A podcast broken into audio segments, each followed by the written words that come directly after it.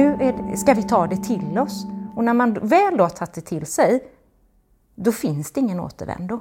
Då är man liksom där. Om man skulle sluta nu så tänker jag att då, då kommer inte jag stå ut med mig själv.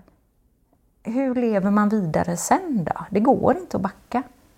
Men äh, det handlar ju det här om att våga ta det till sig. Att på något sätt bestämma sig för att jag öppnar mig för detta och inser att det är så här läget är nu. Välkommen till avsnitt 106 av Klimatpodden med mig Ragnhild Larsson. Här får du möta forskare, aktivister, författare, journalister, psykologer, omställare, lärare och alla andra som på en mängd olika sätt engagerar sig för att mildra de allra värsta effekterna av klimatkrisen. Dagens gäster är Anneli och Fredrik Engdevik. En ingenjör och en lärare som för ett par år sedan bestämde sig för att ställa om sina liv ganska radikalt när de insåg klimatkrisens omfattning. När de läste klimatpsykologiboken av bland andra Kali e. Andersson och Frida Hylander, som också varit gäster i Klimatpodden, då gick det upp för dem att vi måste agera tillsammans för att åstadkomma en verklig och tillräckligt radikal förändring. De började leta efter detta sammanhang och hittade Extinction Rebellion i Göteborg där de har varit aktiva sedan dess. Anneli och Fredrik är dessutom politiskt aktiva i Miljöpartiet och Anneli är aktiv i Rebellmammorna och har tagit initiativet till Teachers Rebellion som hon berättar mer om i det här avsnittet. Om du vill stötta arbetet med att göra Klimatpodden så är du välkommen att sätta in en valfri summa på Klimatpoddens eget swishkonto 123 396 2974. Och ett stort varmt tack till alla er som valt att stötta Klimatpodden sen sist. Hör gärna av dig med synpunkter och förslag på gäster till kommande avsnitt. Men nu är det dags att köra igång dagens avsnitt med Anneli och Fredrik Engdevik. Varsågoda! Välkomna till Klimatpodden Anneli och Fredrik Engdevik. Tack! Tack! Vilka är ni? Ja, men jag är en eh, vit medelålders man. Jag är ingenjör och eh, jag har tre barn. Och eh, är gift och bor tillsammans med Anneli. Ja. ja. Och vem är du Anneli? Eh, jag är också trebarns Eh, förälder, trebarnsmamma eh, till barn mellan 11 och 21. Eh, jag är också lärare sedan 27 år tillbaka. Tycker om att springa när jag inte har problem med mina hälar. Tycker om att vara ute i skogen. Och jag ska också säga för transparensens skull att vi känner ju varandra ganska väl vid det här laget. Det kan vara bra att veta för alla som ja. lyssnar. Ja, så har det ju blivit. ja. ja. Um, hur skulle ni beskriva, hur är det att vara klimataktivist i Sverige i juli 2023? Ja, vad ska man säga? Vi har ju inte så mycket att jämföra med för vi har varit aktiva i ganska kort tid, eller två år. Så det är inte så stor skillnad mot när vi började. Men eh, det är ju en, eh, märker vi, eller jag, eh, en, det provocerar omgivningen. Mm. Vi har ju tagit ett steg från, från det vanliga ekorrhjulet, ett steg ut och är nu aktiva ja, politiskt på olika sätt men också även genom aktivism. Och det stör och vi blir udda fåglar. Mm. Och det märks, ni bor ju på en lite, lite mindre ställe, Floda, som ligger norr om Göteborg några mil. Och jag tänker, där märks det ju mer än i en storstad som Göteborg. Alltså det ni gör blir mer synligt för många och ni blir igenkända på ett annat sätt. Hur, hur, hur är det Anneli, att bo på ett litet ställe och vara klimataktivist? Ja, i och med att vi är både klimataktivister och även politiskt engagerade i ett parti så blir vi ja, väl ännu mer synliga i ja, det lokalstället där man bor i. Och i Floda, jag jobbar ju i Floda också, eh, på en skola som lärare. Och då är man också lite redan allmänt eh, känd.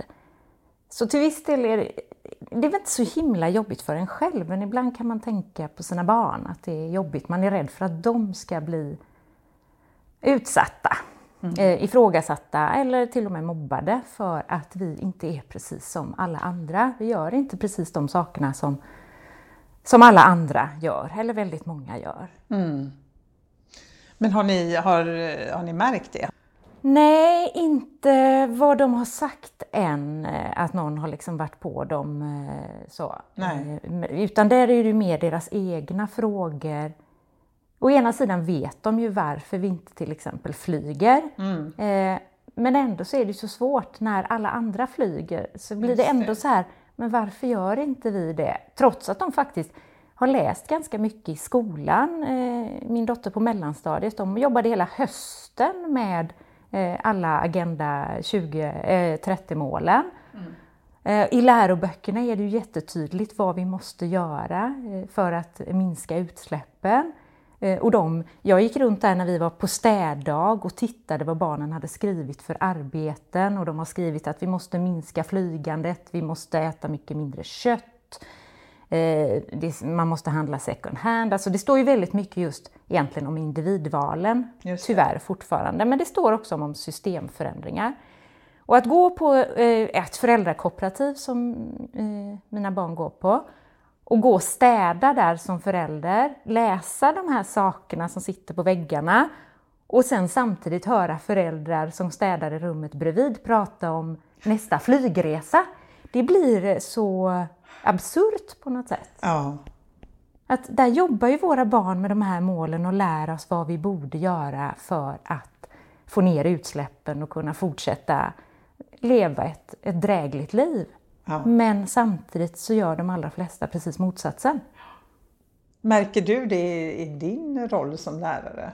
Reagerar barnen på detta? Eller liksom? Ja, nu har jag ju haft en årskurs 1 detta året. De har inte sagt så mycket. De lyssnar och de vill ju verkligen göra rätt. De är ju ja, fantastiska, oskyldiga eh, små barn än så länge. Förra året när jag hade årskurs 3, de har ju börjat tänka lite mer. Så där eh, fick jag ju ofta frågor när vi jobbade då med hållbar eh, utveckling som faktiskt är ett krav i läroplanen. Det är ett av de fyra perspektiven som all undervisning ska vila på. Mm. Eh, och när vi då går igenom de olika målen i Agenda 2030 så frågar ju barnen helt av sig själva varför är det inte förbjudet att flyga? Mm. Varför är inte bensin förbjuden? Mm. Och det blir... Väldigt logiska frågor. Ja, och det blir så svårt att svara på det faktiskt. Ja. Veta vad man ska säga. Ja. Ja, och, och, man tänker, vi har ju inte gemensamma barn, så vi Nej. har ju då sex barn tillsammans. Ja.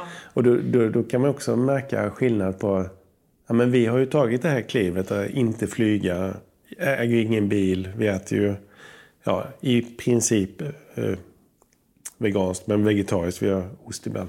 Um, det blir sådana kontraster för barnen som vandrar mm. varannan vecka.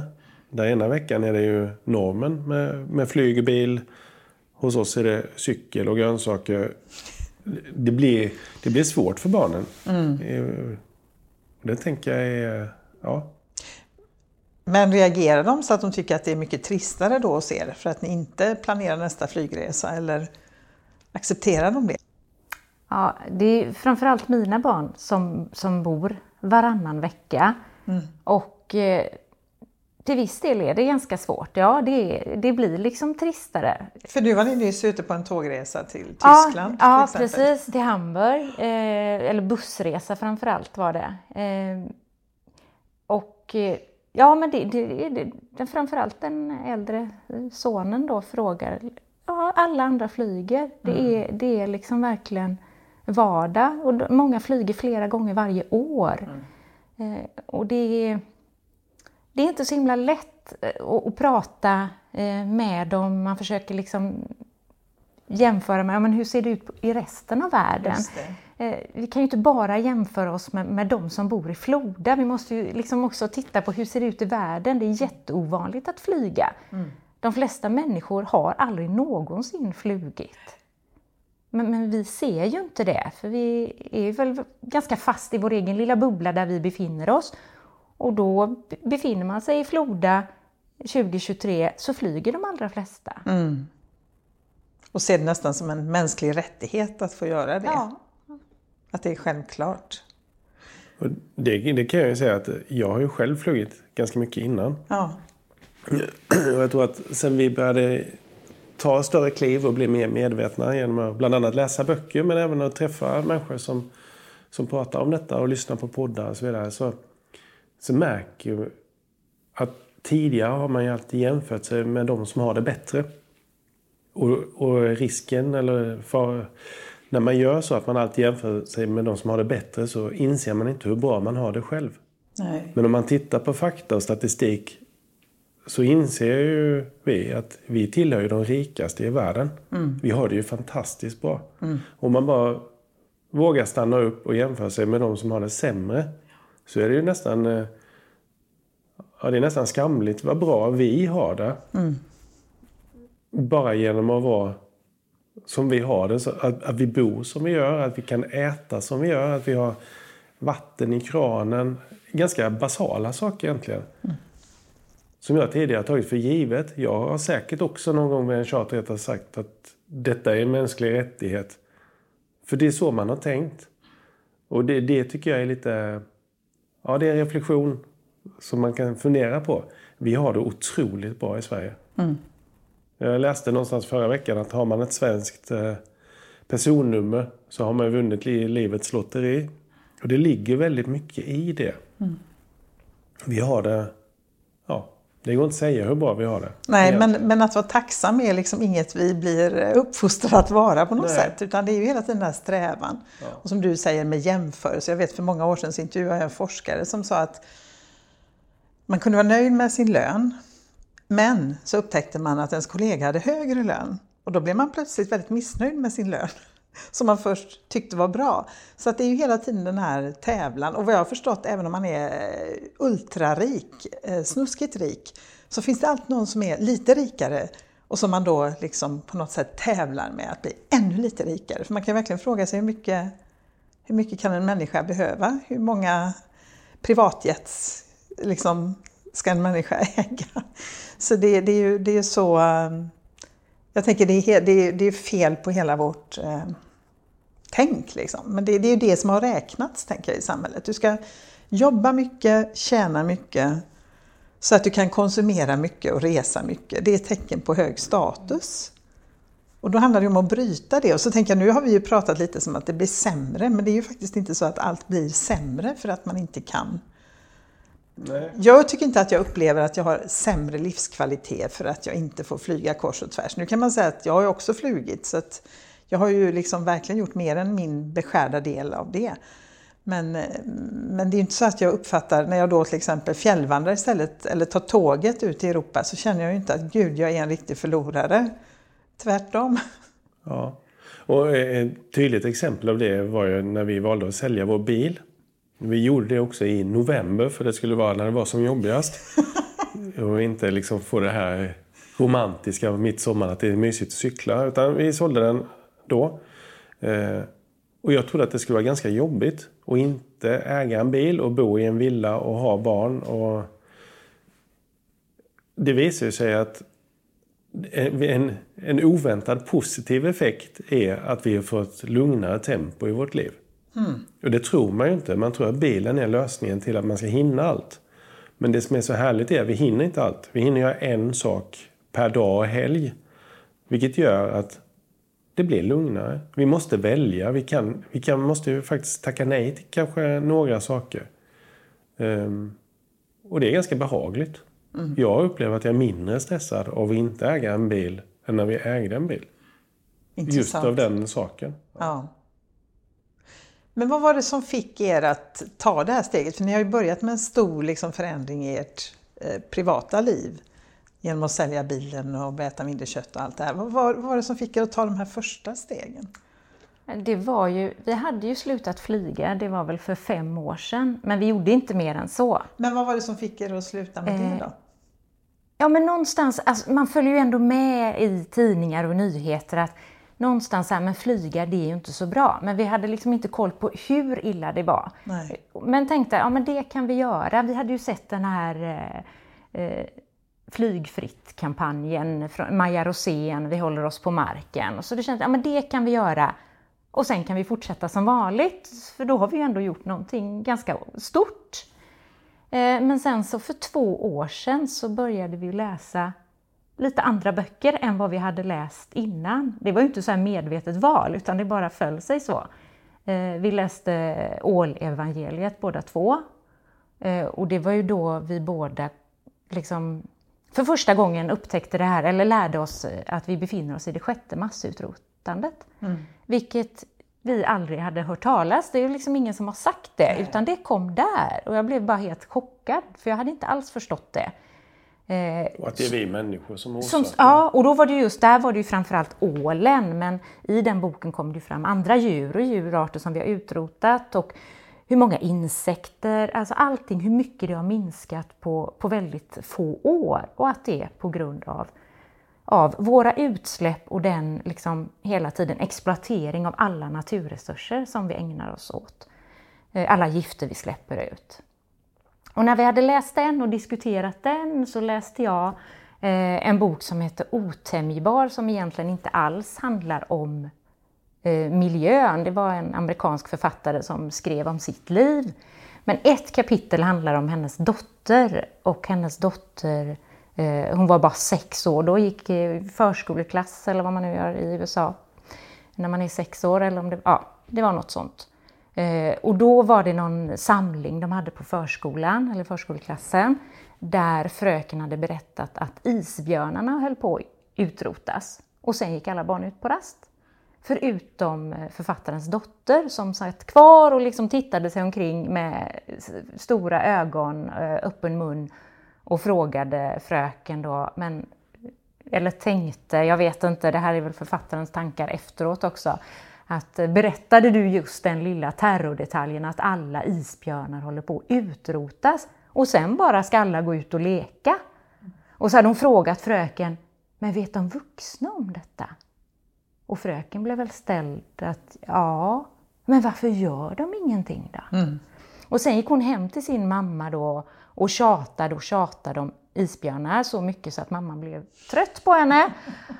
Och eh, låtsades att hon fick ett mejl från isbjörnspresidenten som talade om att nu var allting bra, isbjörnarna har klarat sig och så. Och den lilla flickan bara tittade liksom sådär med svarta ögon på sin mamma, sex år gammal och bara... Alltså hon hade bara fattat ju att mamman bara ljög. Och på kvällen då, då hade hon väl hållit på och tjatat om isbjörnarna i ett par månader, så sa hon till mamman, men mamma förstår du inte att nu är det isbjörnarna, men nästa gång så är det ju vi. Och då, det var väl då mamman liksom fattade att, men vad är det vi gör? Och hur kan liksom barn fatta, och vi vuxna, det är ju inte min dotter som är konstig och jobbig, det är ju vi vuxna som faktiskt inte tar till oss vad det är vi håller på att göra. Mm. Och att vi förändrar det, utan vi bara fortsätter. Vi bara möts av dessa liksom, nyheter hela tiden. Oj, vad skrämmande! Och sen fortsätter vi ändå bara som vanligt. Så den läste ju, du läste ju den mycket senare, men vi pratade ju mycket. Jag berättade ju om den. Mm. Eh, och sen så läste den här eh, Jag kan ha fel av han Björn Natthiko Lindeblad. Eh, han som tyvärr är död nu, men som under 17 års tid då, eh, levde som munk. Och där handlar det ju väldigt mycket om vem vill du vara som människa? Mm. Och det var väl den sista liksom som verkligen, okej, okay, nu har vi läst, jag har läst Ålevangeliet, det är så här illa, det är sjätte massutrotandet. Vi släpper ut saker, vi överexploaterar allting. Barn inser det. Barnen ifrågasätter varför vi inte gör någonting. Och sen så kommer han då som munk och säger men du har ett eget ansvar att göra någonting. Just det, du, du kan inte val. bara lägga det på någon annan, utan vem vill du vara som människa? Och på något sätt så var det väl det som verkade så här att men nu måste vi faktiskt göra någonting. Vi kan inte bara tänka att någon annan får lösa det. Nej, och, och vi, vi, följde, vi diskuterade väldigt mycket. Vi pratade om detta. Vi satt mycket på altanen hemma. och, och följde upp liksom och googlade lite till. och ja, men IPCC kanske inte var ett jättekänt begrepp för oss och så börjar man snubbla och, och läsa lite mer där. Och när man lägger det pusslet så blir det ju ganska... Ja, vad, vad, ska, vad ska man göra? Och, och det är ju fakta. Och jag menar, Anneli som lärare och jag som ingenjör, vi är ändå vana att ta till oss fakta. Och då gör man ju någonting med fakta. Eh, men det som var lite jobbigt var ju att när man då pratar med sin omgivning som man också tänker är fakta faktamänniskor egentligen då. Så, vill de inte lyssna på denna fakta. Detta är någonting man inte, och det tycker jag fortfarande är någonting som jag, som jag känner av. Att, att ja okej, fakta tror vi på, vi tror på ny teknik, vi tror på senaste grejerna så här. Men detta är lite av ett tabuämne att prata om klimatet. Det är precis som att det gör för ont eller att... Ja, även om det är tusentals forskare som säger detta så, så finns det alltid en möjlighet att tycka någonting annorlunda. Ja. Men är det inte också det här att man inte riktigt vet vad man ska göra med kunskapen? Nej, men man, man, man får den här kunskapen och tar den till sig på en viss nivå. Men slår den ifrån sig för att man vet liksom inte riktigt. Man inser ju någonstans, tänker jag ändå, att ja, men det räcker inte hur mycket jag än sopsorterar, hur mycket jag än säljer. Men liksom, jag menar, jag slutar flyga och gör allt det här. Och någonstans så är det väldigt lätt, tänker jag, att känna sig liten. Och att, och att man inte riktigt vet. Och vi bor i Sverige där vi också är väldigt vana, i alla fall jag som är uppvuxen på 60-talet och 70-talet, att där, där, ja, men det har kommit reform efter reform som har liksom utvecklat samhället. Vi har fått eh, eh vad heter det, förskola för alla barn, det är liksom reglerad arbetstid, det är, ja, kvinnlig rösträtt kom lite innan jag föddes. Men, nej, men det är mycket saker som liksom, i alla fall jag har tagit för givet. Jag har aldrig personligen behövt kämpa för de här sakerna. Det är liksom politiker som har liksom löst mycket av min vardag. Och det har räckt att jag har gått och röstat vart fjärde år. Så jag tänker att det är en väldigt stor liksom, Plötsligt inser man kanske då att nej, men nu är det faktiskt upp till oss, det är upp till mig. Jag måste göra någonting, jag har ett val. Och det tror jag, det, det ligger väldigt långt ner undangömt hos väldigt många på något sätt. Liksom. Ja, men så kan det vara. Eh, men jag tror samtidigt att... Ja, men vi pratade om att vi slutade flyga. Ja. Och Anneli fick det att låta som att det var en ganska lätt sak. Men jag kommer ihåg när vi låg bredvid varandra i sängen hemma och, och diskuterade fram och tillbaka om vi skulle byta på våra Facebook-bilder. Att flygfritt, vad det nu var, 2020 eller 2021. Att det var... Vi var inte vana att göra ett liksom, offentligt ställningstagande. Och det Nej. kändes väldigt, väldigt nervöst att ändra sin profilbild och skriva flygfritt. Ja.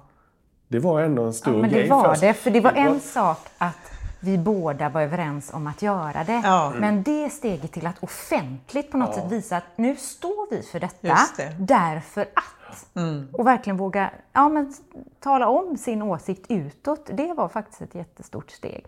Och det var det även då för två år sedan när vi hade läst de här böckerna och liksom bestämt oss för att nej men nu ska vi vara offentliga även med att nu tänker vi lägga om kosten, vi tänker sälja våran bil, vi ska sälja vårat utespa, eh, vi ska sluta köpa kläder, nu ska det liksom inte bli någonting nytt utan behöver man något så är det second hand. Och vi ska våga säga varför vi gör detta och varför... Ja, men vad... Ja, det var jätte... Vi höll på i länge, fram och tillbaka. Vågar vi skriva detta? Vågar vi... Ja, Och vad fick ni för reaktioner när ni väl gjorde det då? Ja, men, det är väldigt blandat. Jag tror att en del aktivt har plockat bort oss ur sina flöden för det gör ont att läsa eller så tycker man att vi är galna. En del har ju försökt opponera mot det och andra tycker det är bra.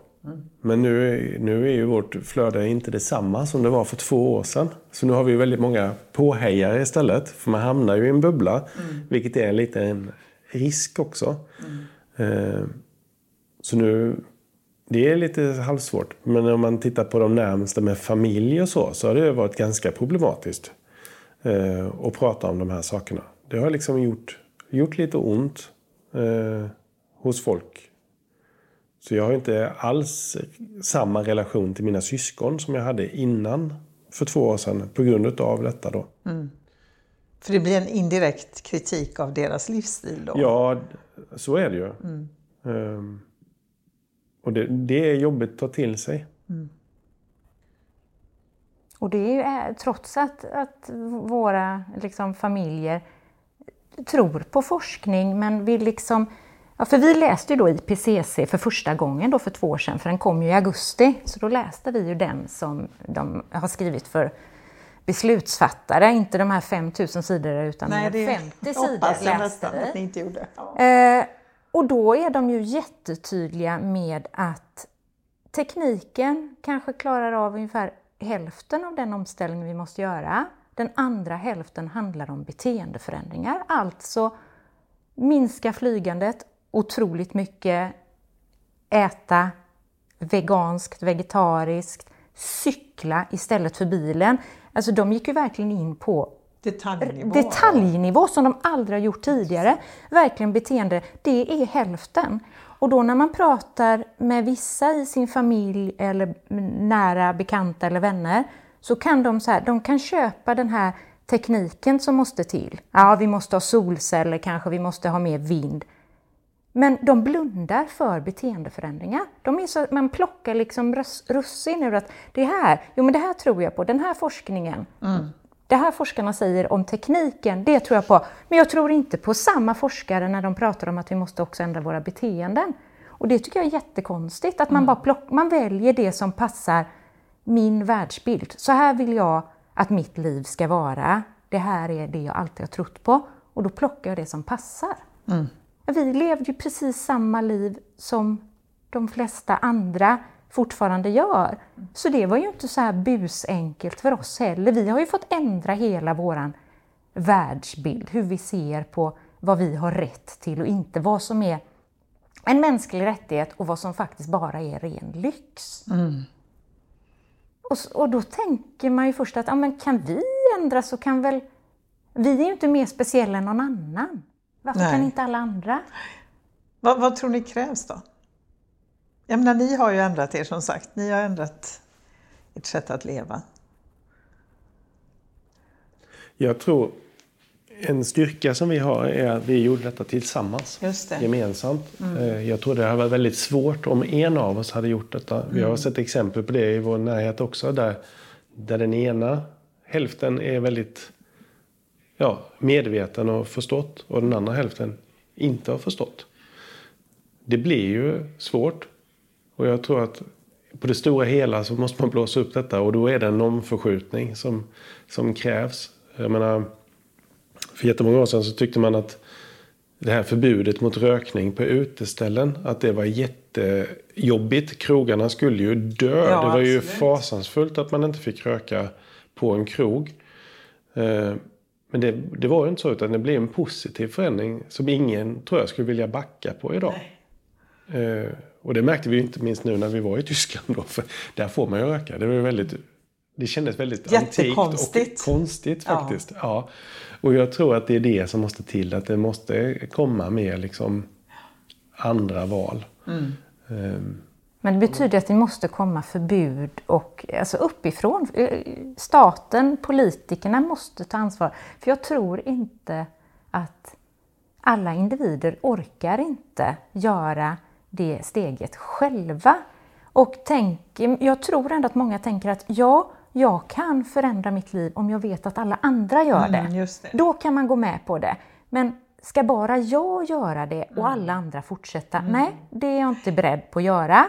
Eller jag tycker att då blir det så liten skillnad så det spelar ingen nej, roll. Nej. Medan vi mer tänker så här, men vi har inga problem nu då känner vi att gå före. Nej, det. det gör ingenting. Men vi vill ju, fler måste ju haka på och systemet framförallt måste ju förändras.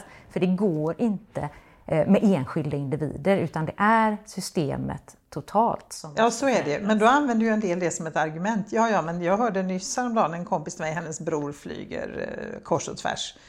Och han jobbar ändå med klimatfrågor.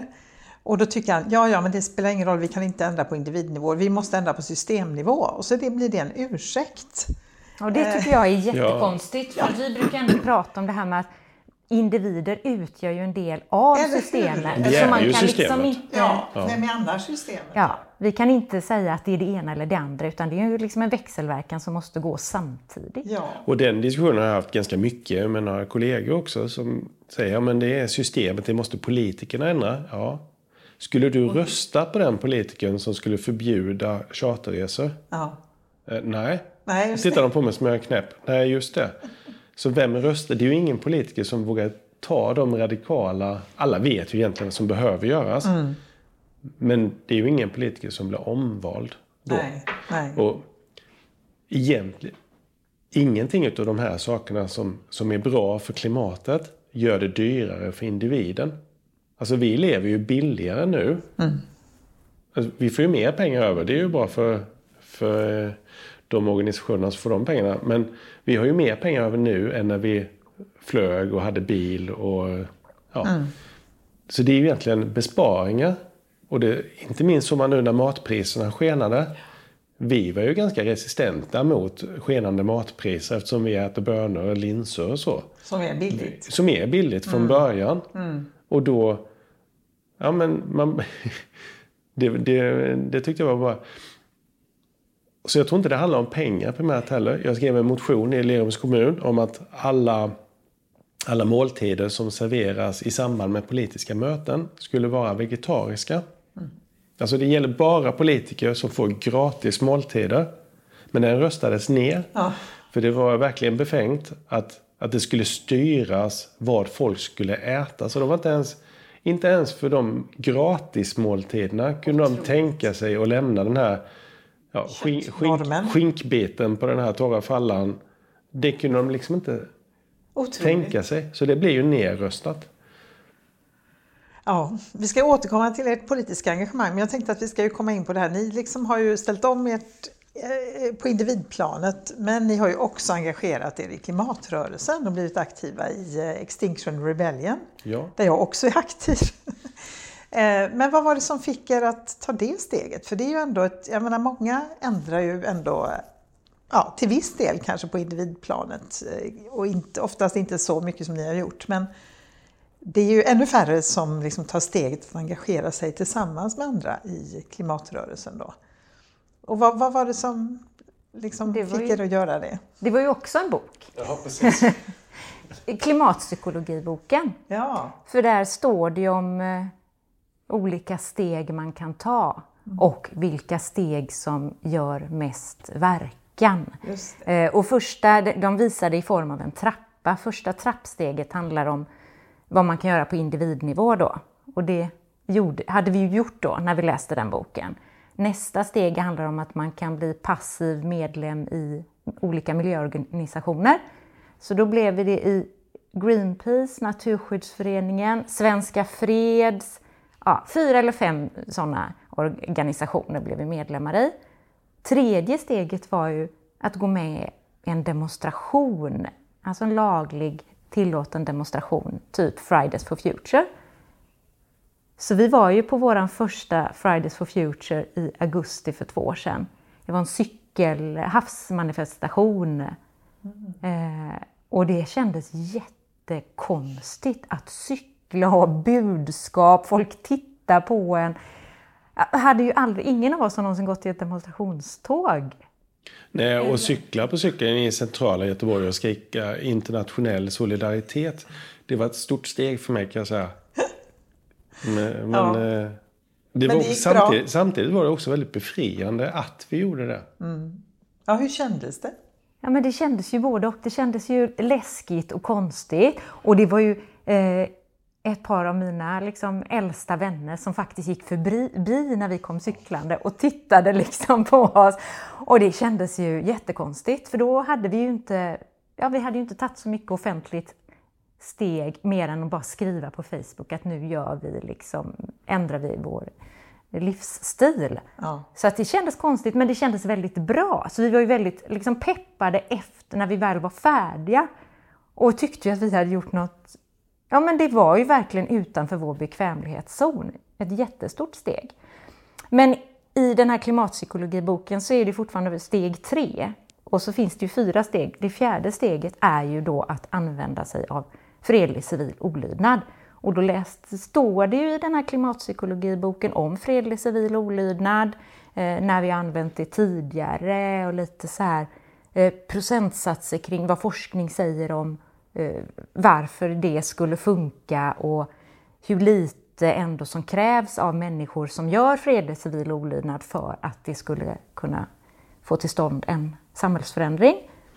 Och det är att eh, historiskt sett så är det bara genom eh, fredlig civil olydnad som vi har gjort stora samhällsförändringar. Eller det har alltid varit en del av för att få till en stor samhällsförändring. Och då tänkte vi att då måste vi kanske till och med våga oss på det fjärde steget. Och det gjorde ni ju till slut då. Ni engagerade er i XR. Och, och, kanske fick vi en, eller kanske, vi fick en ganska stor knuff av eh, livestreamingen från Nordic Rebellion i Oslo. Vi satt ju hemma och tittade på det. Alltså, och det var, det var, ska vi säga, också aktionen mot eh, den norska utvinningen av olja i Arktis så att de skulle tilldela nya licenser. De skulle borra efter mer olja och så. Ja. Och då såg vi ju så helt obskyra saker som folk som eh, kedjade fast sig i en lastbil i en korsning och det var, ja men det var så mycket och, och framförallt så tog jag till mig att det var så skilda åldrar. Det var hela åldersspannet. Det var ja, men ungdomar, ganska, alltså väldigt unga människor och upp till pensionärer som blev bortburna av polis och, och som, som stod för detta. Och jag, det var väldigt gripande. Mm. Och att alla var så lugna och fredliga. Och vissa som blev bortburna bara satt med ett leende på läpparna, liksom gjorde inget motstånd, bara lät sig. Ja, det kändes så ja, men fantastiskt. Vi blev superimponerade på ja, men hur modiga människor kan vara. Att man vågar. Vad, vad, stämde den här bilden av vad en klimataktivist är? Liksom, det ni fick se där, eller vad hade ni för bilder i jag, huvudet innan? Jag hade ingen bild av en klimataktivist. Nej. Jag hade aldrig Nej, och, och när, för mig aktivist har nog varit kanske mer förknippat med, med stenkastning och våld ja, och det, det mediabruset som har varit och det, det som är närmst klimataktivist då är antingen Greenpeace och Greenpeace verkar ju ha någon form av grönt kort i Sverige. Att det, det får man lov göra. Greenpeace är okej okay som rörelse även om de gör ganska snarlika saker som Extinction Rebellion egentligen gör. Så är de ändå, de är lite helylle. Men annars i vad jag har snappat upp tidigare i livet när jag tittar på nyheter och så, så är det ju kanske djurrättsaktivister som har gjort kanske förstörelse och så. Och jag har kanske varit lite rädd för den delen. Men, men nu när man ser den, den fredliga aktivistdelen. Icke-våld och fredligt. Ja, det är en helt annan, för mig, grej än vad som har visats mm. i media egentligen. Ja, just det. Och det tycker jag är en av våra viktigaste saker. Att förmedla det också. Att det är icke-våld och att det är fredligt. Och väldigt många trevliga människor. Jag var ju innan ja. XR, långt innan eh, XR kom till Sverige så eller två år innan tror jag, så var jag på något som heter Climate Justice Day där bland annat Carl Andersson som har skrivit den här boken Klimat, varit med och skrivit en av författarna till klimatpsykologiboken. Eh, och då handlade det om civil olydnad och hållbar aktivism och jag kände inga aktivister på den tiden. Och eh, vi var i en lokal här, en, en tjej som heter Julia Norman som eh, ja, erfaren aktivist eh, men också höll på med möbelrenovering. Så vi var i hennes verkstad. Och det som var så slående var att alla var så otroligt gulliga och vänliga. Och jag, och jag insåg att jag hade verkligen den här bilden av att det här är väldigt tuffa människor, stenhårda. Det går knappt att prata med dem, nej, men liksom, och väldigt modiga då. Mm. Eh, så jag, jag liksom kunde inte, hade inte identifierat mig absolut som någon klimataktivist innan dess. Och så hade vi någon genomgång, vi pratade om, ehm, om våra erfarenheter av aktivism. Och då var det, tror jag, Kali som sa att Nej, men jag gillar inte riktigt det här med poliskonfrontation. Liksom hon hade varit i Tyskland där det är mycket mer av det än här. Eh, så jag brukar laga mat på auktioner och jag bara Jaha, kan man göra sånt också? Och då tänkte jag, men det skulle jag ju ändå våga göra. Men jag, då var jag ändå väldigt långt ifrån någon egen aktivist. Men det var liksom, just det där första mötet var så viktigt för att de var så otroligt vänliga. Och det var väldigt, eh, ja de kändes väldigt kloka och eh, trygga och bra människor. Så jag tänker att det har stor betydelse vilka man träffar på. Innan vi hade ens gått på det var väl innan vi gick på introduktionsmötet. Mm. Så ja, men hade vi bara då, vi hade tittat på Nordic Rebellion och vi hade liksom gått in tror jag då, på Facebookgruppen och läst. Och jag, eller så var det kanske en klimatgrupp bara. Jag hade skrivit någonting och då var det en som eh, kontaktade mig på Messenger, Veronica, och sa så här, men jag kan ringa, jag kan ringa dig och vi kan prata och jag kan berätta liksom. Och det bara kändes, va? Vill hon ringa och berätta? Så, så supertrevlig! Och så ringde hon upp och berättade och man bara kände så här, men vilken fantastisk människa som bara ringer och berättar och ja men det går till så här och så här och hon verkade bara så fantastisk och hon skulle, hon skulle pausa sina läkarstudier för att hon skulle bli klimataktivist på heltid och man bara, va? Finns det sådana som pluggar till läkare som är klimataktivister?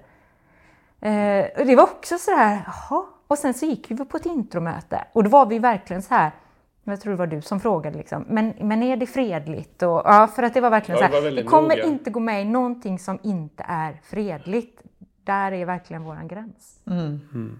Ja, jag blev väldigt tilltalad av att det är fredligt och att det är den här nolltolerans mot droger och alkohol under klimataktivismen. Sen att vi har trevligt att umgås vid sidan av, men när vi är på gatan eller när vi är på en aktion så är det nyktert. Mm. Och det, det tror jag är det som som gör att vi kan vara så lugna och behärskade också. Mm. Det hade ju varit stökigare annars, tror jag, om vi inte hade haft den nolltoleransen. Det är viktigt. Mm. Men, jag, ja.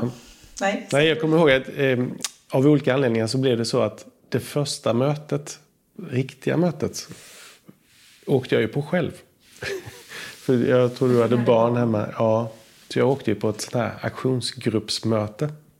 Och jag var ju ganska ängslig, rädd, ska jag väl säga. För det var också att ta ytterligare ett steg då och ge sig in i aktivismen och, och då gå med på ett möte. Så jag satt ju där, jag var ju jättetidig. Så satt jag på en bänk och, och utanför ja, en portgrind, du vet hur det ser ut där. Satt jag och väntade och sen började det komma folk. Men så kom det eh, en man som var väldigt trevlig, en äldre herre. Bara, är, är du ny här? Ska du också med på extra? Och direkt började prata liksom, och bjuda in och fråga varför jag var där. Och blev väldigt väl mottagen. Och på det mötet så... Jag har aldrig varit på ett möte innan där man har en incheckningsrunda och, och berättar hur man mår innan man börjar ett möte. Och det vuxna människor som ändå, det var män, kvinnor blandat. Och alla berättade liksom hur man mådde från hjärtat. Och jag tyckte det var väldigt fint. Och sen så toppar man det med en utcheckningsrunda efteråt också. Hur mår man efter mötet? Just det. Och jag bara, ja men det här hårda som du pratar om, som jag också trodde. Ja, det var väldigt mjukt och fint. Och det var någonting jag tyckte om väldigt mycket. Så jag ringde ju Anneli när jag var på vägen hem. Nu har vi hittat hem, sa jag. Mm. så det tyckte jag var väldigt fint. Jag, ja, speciellt en, eh, en historia då från en av de äldre herrarna som hade varit på eh, fjällsemester med sina, med sina eh, ja, gubbkompisar, säger jag då. Eh, och han var så förtvivlad över att trädgränsen hade flyttats. Och det är ju också en klimatförändringsgrej. Men trädgränsen på fjället hade flyttats. Och det var ingen av hans kompisar som ville prata om det. Utan han var så ensam med det. Så han hade längtat till detta mötet så han kunde prata med, med likasinnade om detta. Mm. Och det, ja, väldigt ovanligt att man ser vuxna män prata känslor. känslor. Ja. Mm. Och det tyckte jag var väldigt fint. Det tilltalar mig. Mm. Mm. Och sedan så, sedan så gjorde ni så småningom er första civila olydnadsaktion, eller deltog i den. Var det i Stockholm eller? Jag ska säga, vad var vår första? Vi har ju gjort, vi gjorde lite smågrejer i Göteborg. Ja. Där vi inte alltså om man säger inte var riskerade att bli arresterade Nej, eller gripna. Det. För det är också viktigt att påpeka ja, att man behöver ju, det finns liksom inget sånt krav ju på någon. Att så vi nu med, måste du göra ja, här. Så jag tror vi var med på någon swarming ja. som också kändes helt tokigt att gå ut och ställa sig på en gata när det är rött ljus. Alltså bara det var ju liksom, nu gör vi detta. Och sen så var vi på, på Landvetter och, och höll på med, med klimatångestkliniken då. Så det var väl de två vi gjorde egentligen. Mm. Ja, och på grönsakstorget. Ja, det. det. var väl nästan den första tror jag. För Det var väl i oktober då, för snart två år sedan. När vi tog dit, alla tog, tog dit sina cyklar. Vi köpte parkeringsbiljetter, satte parkeringsbiljetten på fast på cykeln, parkerade på parkeringsplatserna. Helt lagligt, det här hade vi kollat upp innan. Cykel räknas som ett fordon, så det är, har man köpt en parkeringsbiljett så har man rätt att stå där. För att visa på den världen vi vill ha. Mm. Vi är inte bara mot saker, vi är för saker. Vi är för att eh, grönsakstorget skulle kunna återgå till det det har varit. Liksom ett, ett handelstorg för grönsaker och frukt. Eh, för människor som kan umgås. Så vi var ju där och eh, lekte och fikade och eh, hoppade hage och ritade med gatukritor och allt vad vi gjorde. Och då var ju också kanske första kontakten med polis lite mer sådär. Och då sa de, ja ja men vi, vi kommer, men vi kommer för er skull. Blev du förvånad av det? Ja, men lite förvånad ändå. Men sen när vi väl var där så förstod jag lite vad de menar. För det var ju folk i sina suvar som var... Arga? Ja, just ju större bil desto argare var de. Så kan man väl säga kanske. Och det har väl någonting med, med det hela att göra. Mm. Hur mycket identitet man bygger kring sin bil och hur helig bilen är. Ja, ja, det finns ju inga som och, blir så arga som bilister. Nej, och, och bilen är ju verkligen helig. Jag, tänk, jag tänkte på det nu när vi var i Tyskland. Detta har egentligen inte med klimat att göra, men hur helig bilen är. Mm.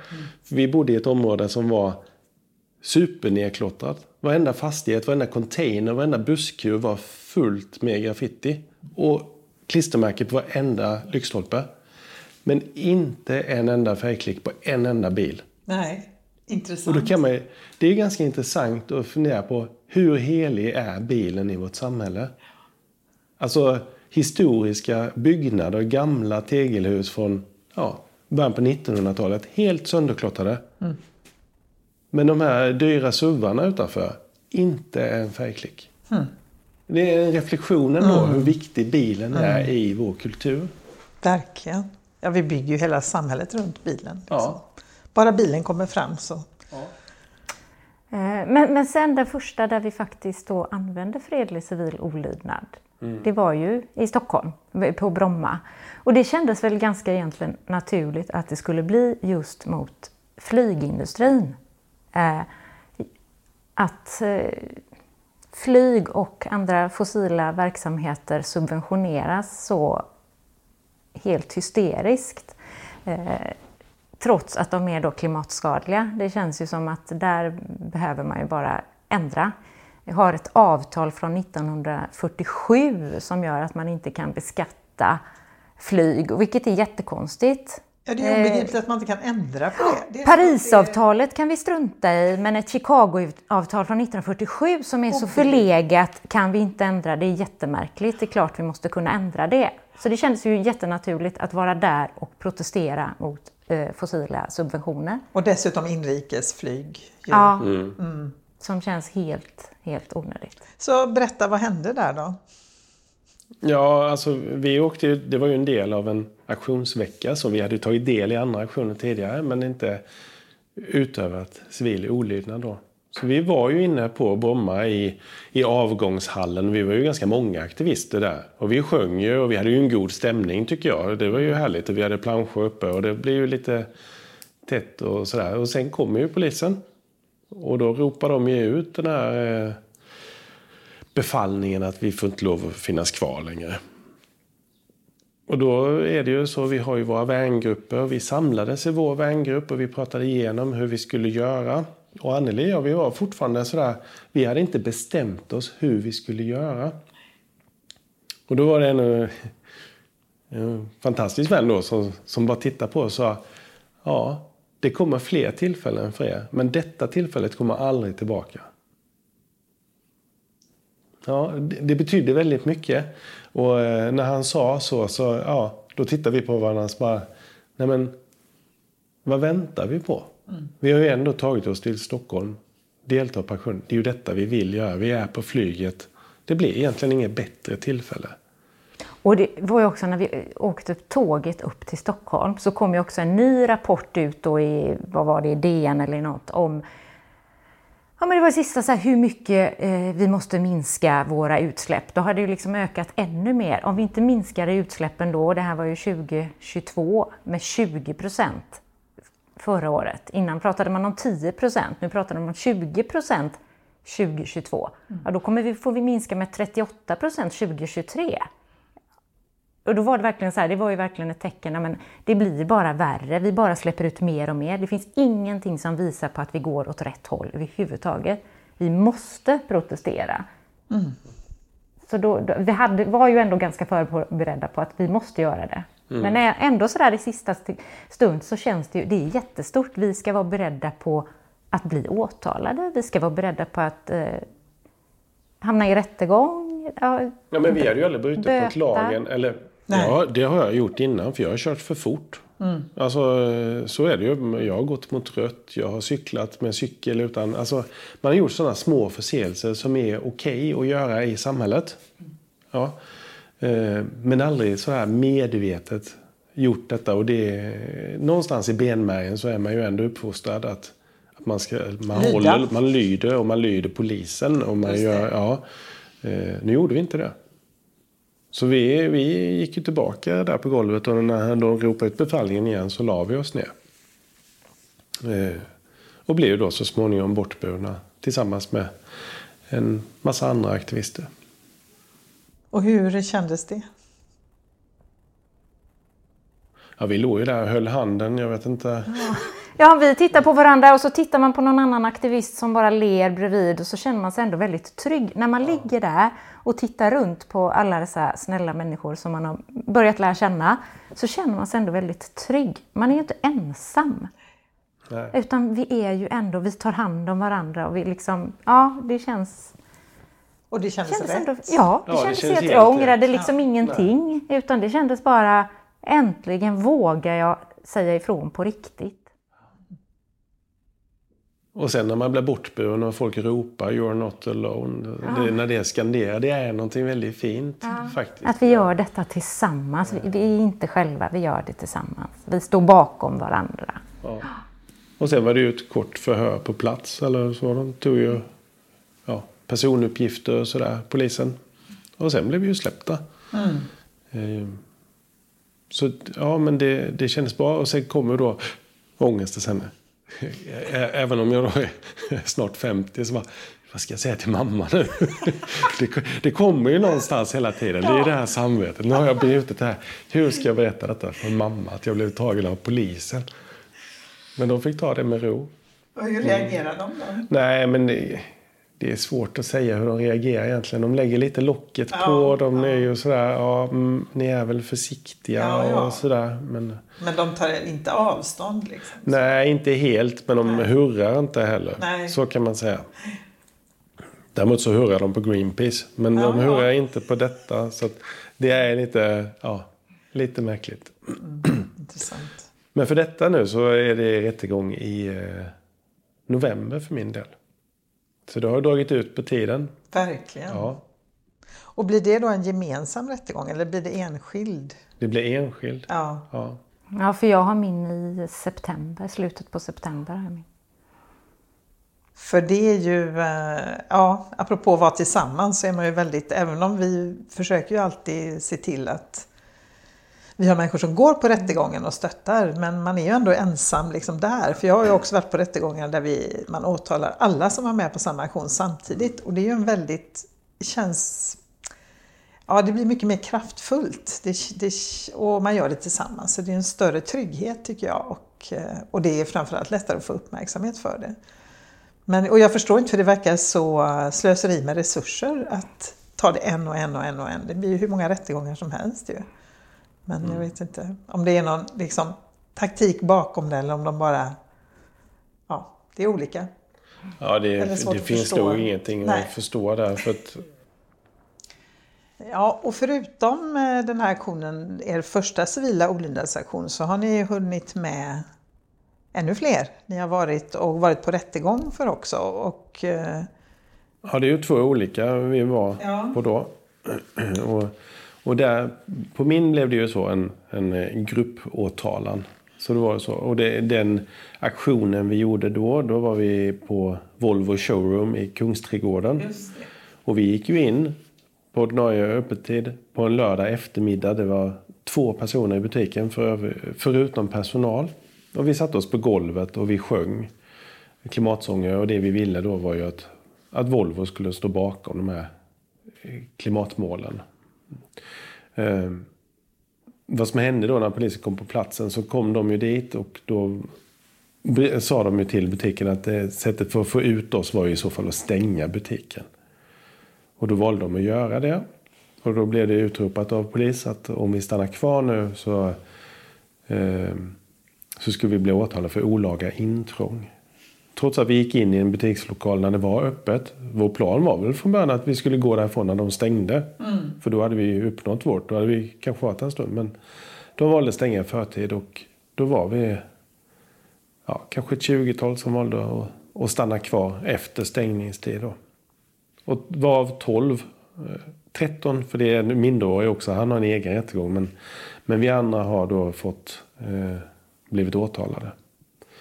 Och vi har nu vi överklagade till eh, hovrätten och nu är det överklagat till Högsta domstolen också. Oj, så det är inte, det. ja, för att det är inte riktigt, ja, det finns tvetydigheter här juridiskt om det var rätt av dem att göra på det viset. Så de provocerade lite grann fram ett brott ju då kan det, man säga? Det kan man säga att de gjorde ja. ja. ja. Sen finns det lite tekniska hårklyverier här vilken typ av lokal det var också som också spelar roll. För att bli en affärslokal så är det fortfarande en affärslokal trots att den är stängd. Men ja, det är hårklyveri. Egentligen vill jag inte bli friad på grund av det. Utan jag blir friad på grund av att vi har gjort rätt. Inte för en teknisk juridisk detalj då. Utan, ja, just det. Ja. Men då, då var rättegången i, i Stockholm då. Ja. Mm. Och du hade en rättegång i eh, Alingsås? Jag hade ju en i mars, ja. Och det var ju också för en aktion i Stockholm. Då satte vi oss på... Då gick vi på en gata först och satte oss på gatan. Och det var ju också en del av det här med alltså stoppa de fossila subventionerna. Och det var ju likadant där, att de gick ut, poliserna, med en ordningsbefallande order eller vad det nu heter, med ohörsamhet mot ordningsmakten. Mm. Och de bar eh, bort oss. Och där gick det mycket, processen mycket snabbare, för där tog det inte så många månader innan det blev liksom rättegångsdatum. Så det var rättegång. Jag hade ändå tur tyckte jag då som fick komma till Alingsås och slapp åka upp till Stockholm och eh, jag hade ju, även om jag då var själv så kände jag mig verkligen inte själv för jag hade ju sån himla tur att det var så himla många som kom och var med på rättegången. Jag tror vi var nästan 20 personer. De fick byta till den största salen de har i Allingsås för att alla åhörare skulle få plats. Jag var väldigt glad för att mina föräldrar var med. Eh, och en kollega och sen alla, ja, många från XR som var med och stöttade. Så det kändes... Nej, jag kände mig verkligen inte ensam.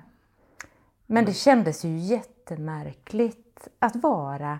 Alltså jag ska på rättegång, jag ska vara min egen advokat, jag ska skriva liksom mitt försvar, jag ska förklara varför jag inte lydde polisen och liksom vad ska jag ha för argument till varför? Ja, det är ju självklart klart att det, det vi hävdar är ju att vi gör detta på grund av nödrätt. Mm. Eh, för i vår grundlag står det att eh, man har rätt att använda sig av eh, liksom vissa saker när det handlar om nödrätt. Mm. Och vi tolkar det som att vi är i en nödrätt. FNs generalsekreterare har gått ut med att vi är i ett klimatnödläge. Eh, vi är på väg mot en civilisationskollaps helt rimligt är ju det då att protestera. Vi har en ganska långtgående demonstrationsrätt. Eh, och i, det finns också något som heter proportionalitetsprincipen. Och i proportion till vad vi står inför så känns det ganska rimligt att få protestera. Att störa och sitta på en väg i tio minuter kontra den kollapsen som väntar är ju ingenting. Mm. Så jag försökte liksom skriva och eh, framföra det eh, under rättegången då. Och drog även... Som lärare så hade jag ju även med eh, Astrid Lindgren på ett hörn då för att hon... Det är alltid så här att människor i sin samtid kan upp upplevas otroligt kontroversiella och inte så omtyckta. Mm. Men i efterhand så finns det många som, då hyllas de. Och det finns ju nästan ingen som inte tycker att Astrid Lindgren är liksom fantastisk. Men på sin tid så var hon ju väldigt kontroversiell och det var ju många som tyckte att hon gjorde helt fel. Både när Eh, eh hon spelade, eller när hon skrev Pippi Långstrump så var det många som var upprörda för den boken. Sen var hon jätteengagerad i miljörättsfrågor och djurrättsfrågor. Eh, och på 80-talet när det gjordes en motorvägsockupation, eller de ockuperade ett hus på grund av en motorväg som de inte ville skulle byggas. Då skrev hon en debattartikel och hon betalade till och med böter för de aktivisterna som satt. Och det är så mycket man inte kanske känner till. Eh, så jag tänker, hade hon levt idag så hade hon varit klimataktivist, det är jag helt övertygad om.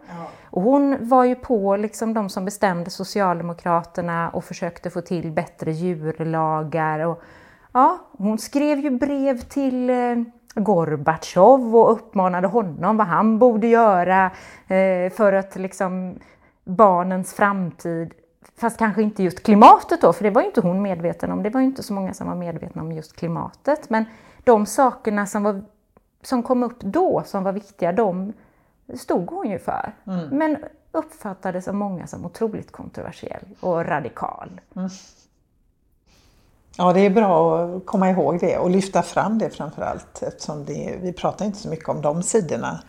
Vi läser hennes böcker fortfarande, men det här engagemanget. Men när vi jobbade inför din, din rättegång, vi försöker ändå få ihop ett material, så, så fick vi också mejl av en, en annan vän som känner en människorättsprofessor, tror jag det var eller jurist? Jurist, eller? Ja. ja. Folkrättsjurist tror jag det var. Eh, som sa att ni kanske skulle titta lite på den tanken om jäv. Mm. Frågan om jäv. Och det slutade i att ja, men du hade ju ett, en, ett anförande om det. Du skrev ju till tingsrätten i Alingsås oron för jäv. För hur, hur kan nämndemännen oberoende döma oss? Vi, vi går ju och sätter, vi säger att det är inte okej att flyga när går gränsen för jäv då? Om de har en bokad charterresa som de väntar och ska unna sig. De tycker uppenbarligen någonting helt annat än vad vi tycker. Mm. Och då finns det ju den här lilla vinklingen på delikatessjäv som det heter då. Som man skulle kunna åberopa i detta. Men de fick sig nog en, eh, ja, en liten tankeställare i alla fall. Men det tycker jag är någonting man borde fundera mer på. För vi döms av folk som kanske inte riktigt tror på det vi säger. Eh, och det kan ju vara väldigt problematiskt. Verkligen. Det blir svårt för dem att fria oss och samtidigt... Fortsätta alltså, med sitt... Om vi får eh, rätt så kommer ju charterflyg förbjudas. Så det vill väl inte de, så varför skulle de vilja fria oss? Nej, just det. Det får konsekvenser. För deras eget privatliv som ja. de kanske inte är beredda. Nej, och framförallt tycker jag det här argumentet som de har börjat köra med också, där de säger att eh, samhället har eh, bestämt att vi ska ta vissa risker. Och då ska jag som medborgare acceptera det. Men det är liksom inte vilka risker som helst vi pratar om. Det är liksom vår civilisation som står på spel och det är, det är helt orimligt. Utan då ska jag bara sitta, vi ska bara sitta tysta och titta på då när det går åt skogen. Eh, för att myndigheterna har bestämt att det är okej. Okay. Att vi ska ta då, den risken. Och då försöker vi också använda det som FN har kommit fram till, för de har ju ändå gjort utredningar och rapporter eh, där de skriver och rekommenderar att varken stater eller företag eller myndigheter ska driva ärenden mot klimataktivister. Nej. Nej. De ska inte åtala, ställa oss inför rätta för att vi agerar i proportion till det vi står inför. Så FN står ju bakom oss. Det är bra att tänka på. Och vill man googla på den rapporten så heter den A76 222. Den, fin, den finns att googla, den finns på FN. Eh, så kan man ladda ner den pdfen. Den är väl värd att läsa faktiskt. Ja. Bra tips. Ehm, men jag tänker, det fick ju också ganska mycket uppmärksamhet då vi pratade ju förut om hur det här att, är att bo på en liten ort. Och det här då att ni skulle upp i rättegång och bli åtalade och alltihopa, det, det fick ju lokalmedia vakna ju till liv där. Ja, och det beror ju inte bara på att vi är klimataktivister utan det beror ju på att vi också då är engagerade i lokalpolitiken. I och då blir ju vi liksom ett allmänintresse och då vill man ju gärna skriva om oss. För det är ju ganska smaskigt att både vara politiker och begå brott brott. Eh, så de skrev ju då eh, när jag, innan liksom jag hade kommit till rättegång, när det kommer ut, eh, om man säger förhöret, när det blir offentligt, så då mm, liksom publicerar de att nu är Anneli åtalad för detta och ska på rättegång. Eh, och eftersom jag då jobbar som lärare i, liksom, där jag bor och jag visste att nu kommer detta ut i tidningen, nu måste jag ju tala om detta för eh, alltså, mina kollegor och min rektor, de vet ju vad jag gör på min mm. fritid. Men i min roll som lärare så pratar ju inte jag med elever eller föräldrar. Det, här är ju, det är ju mitt liksom, privatliv. Jag särskiljer ju mitt jobb och mitt privatliv. Men nu när jag visste att ska, jag kommer bli offentlig i tidningen så måste jag ändå säga någonting för nu kommer ju alla föräldrar läsa detta. Mm. Så då försökte jag ju prata med mina elever. De är ju små, de är sju år gamla. Men jag hade ju redan liksom ett halvår tidigare så hade vi ju läst, vi har läst eh, om Rosa Parks, vi har läst om Malala, så vi hade ju läst redan när vi jobbade med för det också, ingår ju också i läroplanen, liksom jobba med mänskliga rättigheter och folk som har gjort saker för att eh, liksom få, få det bättre. Eh, så vi hade ju läst om olika personer och vi hade ju jobbat lite grann med hållbar utveckling eftersom det också då ingår och ska liksom genomsyra all undervisning. Jag hade ju aldrig pratat om fredlig civil olydnad som begrepp utan bara att ja, men Malala hon gjorde detta trots att det var förbjudet. Rosa Parks gjorde detta, det var förbjudet men för att kunna påverka, för att människor skulle få det bättre. Eh, och då fick jag ju nu då liksom prata med eleverna och liksom återkalla deras minnen. Ni kommer ihåg att jag berättade om de här personerna. Eh, ni kommer ihåg att vi har pratat om det här med utsläpp. Vi har på skolan haft en teater också Eh, inbjuden som har haft en teater med klimatförändringarna, vad det beror på, vad man faktiskt behöver göra och att det handlar om att agera som eh, ett kollektiv för att försöka stoppa. Så det var ganska lätt att liksom knyta an till saker vi redan hade gjort och att de kunde liksom, ja just det, det där, ja det där. Och så fick jag ju berätta vad jag hade gjort, väldigt förenklat då, men att jag, för att vi ska minska utsläppen så satt sätter jag mig på en väg för att protestera, för att de som bestämmer ska lyssna och för att andra medborgare som inte har förstått allvaret ska förstå. Och det jag gjorde, det är olagligt, men jag tycker att jag har rätt att göra det för att jag vill få till en förändring, en lagförändring. Och jag står för det jag har gjort och jag stannar. Eh, jag springer inte ifrån polisen och jag liksom tar mitt straff. Och jag kommer då, eh, det kommer bli rättegång där de kommer liksom lyssna på vad jag har att säga och så kanske jag antingen blir straffad eller friad. Eh, och fredlig civil olydnad försökte förklara då vad det betyder och att det är upp till var och en eh, att bestämma om man tycker det är rätt eller fel och att det är upp till var och en av dem att att tycka att jag gjorde fel eller att jag gjorde rätt. Och det finns ingen som kan bestämma vad man ska tycka om det, utan det har man själv. Liksom, man får lov själv att bestämma om man tycker si eller så. Och sen så skrev jag också då ett eh, mejl till föräldrarna där jag försökte förklara att det här har jag sagt till era barn idag och de kanske har frågor och, och då kan ju ni prata om det hemma också. Mm. Eh, och efter det så så fick jag eh, en del mejl av föräldrar som, som stöttade mig och tycker att det jag gör är rätt. Och, liksom, ja, och någon förälder ringde mig och eh, var verkligen så här, uttryckte sitt fulla stöd. Eh, sen så fanns, har vi ju då, som det finns i många tänker jag, små lokalställen, eh, små Facebookgrupper mm, för just orten. Och den Facebookgruppen som finns då i Floda, då var det en person som, som la ut artikeln om mig och ifrågasatte om vi verkligen vill ha dömda extremister som lärare för våra barn. Och då blev det ju en jättetråd i den Facebookgruppen eh, med några då som, ja, som tyckte att jag skulle få sparken som lärare. Vi kan inte ha extremister som lärare. Eh, och sen så var det ju då lite mer sansade människor som kunde säga att men det hon gör på sin fritid och det hon gör som lärare, det måste man kunna särskilja. Och viss, vissa var ju ännu mer, om man säger för då, tycker att jag, alltså, gör jag helt rätt oavsett. Mm. Men ja, det fanns ju liksom det spannet och det var ganska jobbigt att läsa de som var liksom verkligen hatiska. Som tyckte att jag ja, verkligen borde bara få sparken och hur kan man... Ja, det var jobbigt för jag har aldrig varit med om det förut så det, det var jättetufft. Det förstår jag verkligen. Ja, sen är ju de artiklarna i eh, den lokala, alltså Lerums tidning då. Vi hamnar ju under rubriken brott. För det är ju där de prenumererar ju på Lerumsbor som döms för saker. Ja. Och, och, och, det, är det, det är så de sätter rubriker också.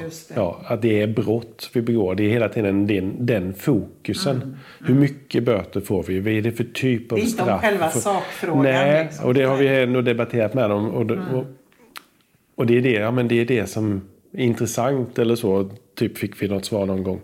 Men vi fick sen faktiskt att eh, ja, sen gjorde de ett hemma hos-reportage om oss då, om, där vi faktiskt fick lov att uttrycka oss om varför vi gör det. Och det tycker jag blev mycket mer nyanserad och bättre. Mm. Ja, för den första då som kom av mig, ja. den var ju vinklad runt omkring så att man kunde också tro att jag hade gjort saker som jag inte hade gjort. Där kunde man tro att jag hade limmat fast mig vilket jag aldrig har gjort. Man kunde tro att jag hade suttit på en motorväg, vilket jag aldrig har gjort. Jag säger inte att jag aldrig kommer göra det eller att jag nej, tycker nej, det är fel eller rätt. Men jag tycker det är så viktigt att det måste, faktan måste ändå stämma. Ja, de får jättegärna skriva om mig, men de ska skriva om det jag har gjort. De kan liksom inte insinuera att jag har gjort saker som jag inte har gjort. För det blir så tokigt och ja, ja. ja det, det, känns inte och det, bra. Det var ju strax efter de här eh, om man ska kalla det för ambulansincidenten för återställd våtmarker. Ja, ja, ja. Och då, så det var det också, var väldigt högt. Det, ja, och det var också så här liksom att eh, ja, men vi stoppar ambulanser. Ja, men, om man läste artikeln och inte läser den liksom ordentligt. Jaha, det är så vi kunde man som stoppar ambulansen. Precis, mm. ja. Och det, det blir också fel. Mm. Och, och, det har vi... Ja, nu senast för ett par veckor sedan så hade jag en dust med den ansvariga utgivaren igen. Där de skrev saker som inte stämmer. Och de får gärna, alltså, vi står ju för det vi ja, gör. Ja, ja, men, men då... vi kan ju inte stå för vad någon annan gör. Nej, det kan vi inte göra. Och då, eh, vi ville ju haft en artikel avpublicerad för vi tyckte att det här är faktafel. Men det gör de inte. Nej. Och då skrev vi liksom igen skärmdumpar med exakt var faktafelen var någonstans. För det strider ju liksom mot ja. förundersökningsprotokoll och så vidare. Och då fick jag sånt där lite halvdrygt svar tillbaka. Men för det var ytterst ovanligt att de redigerade texter på grund av det som de handlade om.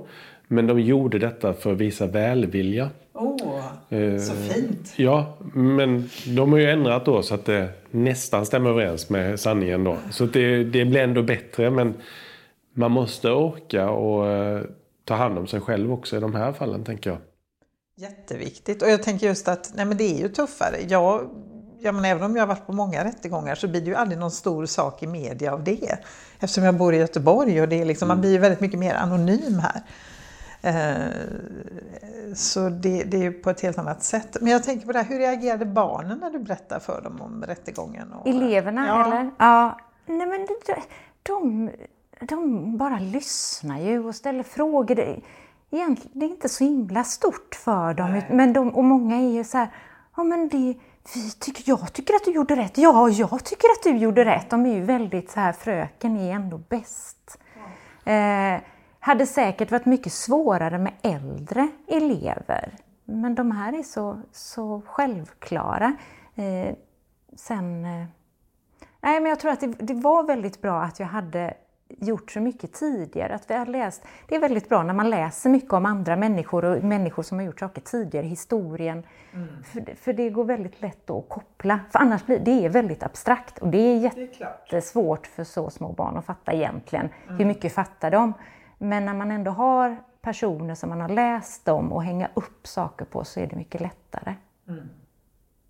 Sen eh, så kom det ju insändare till Eh, både stöd och mothugg i, i tidningen efter eh, den här eh, ja, hela Facebook-tråden och så. Då, och artikeln. Så att då hamnade, blev det både några mot och, no, och några jättefina som var för. Och också det här med vad är fredlig civil olydnad. Att, att känna till historien bakom. För vissa kan ju helt plötsligt då, ja ah, men eh, då kanske jag, då går jag in och bara tar en eh, korv på ICA då, då vill jag, det är fredlig civil olydnad. Eller, alltså folk som inte förstår vad det innebär. Att det handlar ju inte om något du gör för egen vinnings skull.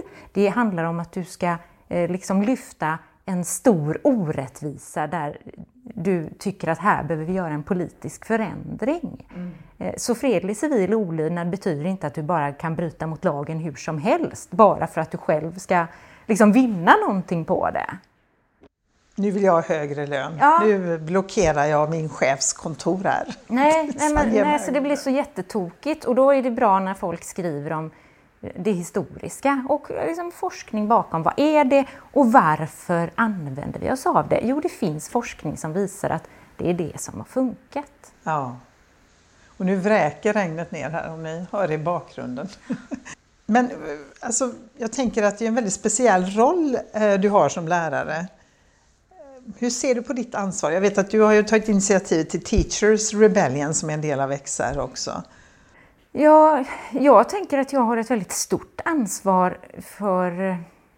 Ja, men det här är ju liksom vår framtid. Jag har som arbete att utbilda, undervisa det som är vår framtid. Mm. Eh, våra barn är liksom de som ska ta över och vad lämnar vi för värld över till dem? Och när man då jobbar med det som står i läroplanen kring hållbar utveckling. Eh, vi har haft ett eh, liksom kompetenslyft på vår skola där vi faktiskt har jobbat med eh, en lärmodul som finns på Skolverkets hemsida om hållbar utveckling. Det blir väldigt svårt att göra den liksom kompetensutvecklingen och inte ändra på någonting. Där står det ju liksom vad som får barn att känna hopp för framtiden. Eh, jo, det gör de genom att se vuxna agera och att agera på en kollektiv nivå, inte bara individ. Det står verkligen där om att vi inte bara ska rikta in oss på individen, vad individen gör, utan att vi ska försöka eh, ut, eh, liksom, utbilda barn till att ta, eh, liksom, påverka kollektivt i liksom, samhället. Mm. Eh, och jag tänker, det är precis det jag gör. Mm. Och det, det, ja, det är jättemärkligt. När, jag, när man läser den modulen och de liksom, forskningsartiklarna så är det egentligen en uppmuntran till att bli en aktiv medborgare. Och jag, vi pratade väldigt mycket om det i mitt kollega. Vad är en aktiv medborgare och en aktivist? Om man googlar på det så är det samma sak. Mm. Det är ingen skillnad på att vara aktiv medborgare och en aktivist. Och aktiv medborgare tycker de flesta är något bra. Ja, och aktivist men aktivist klingar dåligt. väcker mycket känslor hos eh, folk. För en aktivist betyder ju inte att man måste göra civil olydnad. Det är ju bara en liten del av att vara en aktivist. Ja. Att vara en aktivist handlar ju faktiskt om att försöka påverka samhällsriktningen. Att göra det tillsammans med andra och försöka göra det liksom offentligt utåt. Mm. Och det kan man göra på många olika sätt. Eh, och vi gör ju det både då politiskt men också genom att skriva debattartiklar eller insändare eller kontakta myndigheter. Och som med Teachers Rebellion så har vi försökt att påverka Skolverket. Eh, de har ju liksom egentligen allting klart. I läroplanen står det att vi ska göra detta. De har skapat en, en modul där vi ska jobba med det. Men de når ju inte ut. Det, den går nästan inte att hitta man får verkligen aktivt leta sig fram till den här kompetensutvecklingsmodulen. Eh, det står ju då både på Skolverkets sida och i Agenda 2030, mål 4, just om utbildning, att alla elever har rätt till att få utbildning om hållbar utveckling och en hållbar livsstil innan 2030. Och om det då står, det är ett åtagande, Nej. då borde ju det vara obligatoriskt för alla lärare att gå den här hållbarhets eh, liksom utvecklingsmodulen. Så vi försöker ju påverka Skolverket att faktiskt göra det som de själva skriver om. Liksom. Ja, just det. Och ni har gjort en aktion mot Skolverket också? Ja, vi har varit där, eh, gjort en aktion. Några lärare och psykologer hoppade innanför spärrarna, eh, alltså gjorde civil olydnad och blev åtalade och dömda för det. Och det, då ska vi säga att det, det ingår i något som heter myndighetsupproret. Ja, där, alltså, det har varit folk på är det Socialstyrelsen, Folkhälsomyndigheten, Trafikverket, Jämställdhetsmyndigheten. Ja, många olika myndigheter. Ja, och där har det inte blivit några åtal. Nej, det här är faktiskt åtal, Skolverket så det- är de enda som har väckt åtal. Eh, och det frågar vi ju dem också om, hur de ställer sig till det när FN säger att man inte bör Mm. åtala. Hur kan de... Ja, eh, och eftersom vi både är lärare och psykologer som har gjort detta så finns det också ett psykologiskt perspektiv då. Hur tar vi hand om dessa barn som... Fler och fler barn mår dåligt och har klimatångest eller klimatoro. Hur tar vi hand om dem? Är skolhälsan uppbyggd för att möta detta? Eh, vi har eh, vi har ju liksom elevråd och sånt på alla skolor. Det ju, har ju varit praxis länge att man har elevråd och klassråd. Men vi kanske måste ha klimatråd på skolor. Vi måste, måste kanske bygga om elevhälsan till att innefatta även liksom den delen. Och behö- hur behöver vi förändra undervisningen? Det finns jättemånga saker. Så vi fick ju faktiskt ett möte med generaldirektören på Skolverket. Efter att ha blivit åtalade? Ja! det är ju spännande. Ja, Ja. Så, och vi har ett nytt möte inplanerat med två av cheferna på Skolverket i september. Så vi ska komma tillbaka och göra ett nytt besök och det kommer bli en ny aktion fast på ett annat sätt. Då. Så det är ändå flera av de här myndighetsaktionerna har ju lett till samtal med Ja, ansvariga på myndigheterna. Så det är en lite annan typ av aktion, Mm. men väldigt bra ofta. Och jag menar, det, det, ja, det, känns som att det får känns som effekt. det krävs väldigt många olika sätt att angripa det på. Ja, och det är verkligen. jättesvårt att veta vad som verkligen kommer eh, ge någonting. Och det gäller ju bara att prova och utvärdera olika metoder och försöka så mycket man kan. Ja, det enda vi vet är ju att gör vi inget så går det åt skogen. Mm. Det, är liksom, det är helt säkert i alla fall. Hur har eh, de reagerat på din arbetsplats, då, på din aktivism? För du har också varit lite offentlig ju. Jag har också varit offentlig och eh, jag jobbar ju på en statlig myndighet så jag har ju varit lite sådär. Jag har valt att eh, vara väldigt öppen med vad jag gör. Mina närmsta chefer vet vad jag gör, mina kollegor vet vad jag gör och ibland lägger jag ut lite fly, sådana flygfritt flygblad i fikarummet inför semester och så i fikarummet. Sådär.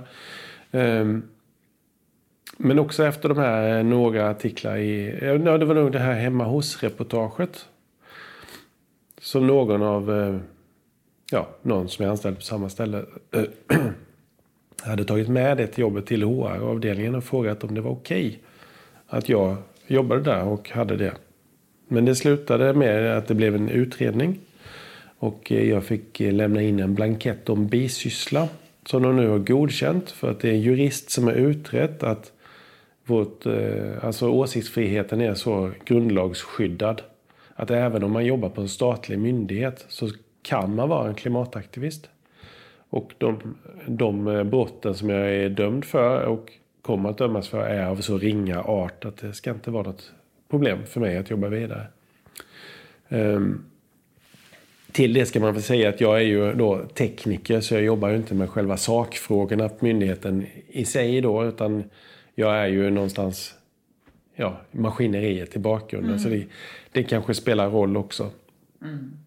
Och ett medskick till mig var ju att jag får ju absolut inte utge mig för att komma från eller uttala mig som om det kan tolkas som en offentlig liksom, sak. Nej, just det. Som att uttalandet kom från din Ja, myndighet. ja. Men tror ni att det avskräcker många det här? Att vad man ska få för reaktioner på arbetsplatsen och, och, och man kanske inte ens tror att man får. Eh, alltså, Jo, jo, men det vet jag i alla fall. Från, från min arbetsplats så finns det ju folk som är mycket mer kompetenta i sakfrågorna som vi pratar om än, än vad jag är. Och de känner ju att de kan inte. nej. Eh, för de är rädda för konsekvensen. Men är det svårare tänker jag när man jobbar med sakfrågan än inte? För att jag menar vi har ju läkare som gör civil olydnad, sjuksköterskor, psykologer, lärare men som inte direkt, alltså det finns ju klimatforskare, flera som gör civil olydnad, vi har Scientist Rebellion och sådär. Medan jag har ju pratat med forskare som tycker att nej men det skulle skada min trovärdighet om jag gjorde det, vilket jag tänker att det är tvärtom. Att det nästan, jag menar om Peter Camus som är NASA-forskare och jobbar med klimatfrågan gör civil olydnad, eh, för mig ökar ju det hans trovärdighet. Han, han, han tar konsekvenserna av det han forskar om liksom. Ehm. Ja, men jag, jag, tror att det är en väldigt bekväm ursäkt också. Ja, att man säger så. För att eh, ja, det finns ju... Antingen så lever man som man lär. Mm. Eller så lär man någonting och så lever man någonting annat. Så jag tänker att det faktiskt har att göra med, med trovärdighet. Att man får en ökad trovärdighet. För jag menar, vi vet ju att, eh, att isarna smälter.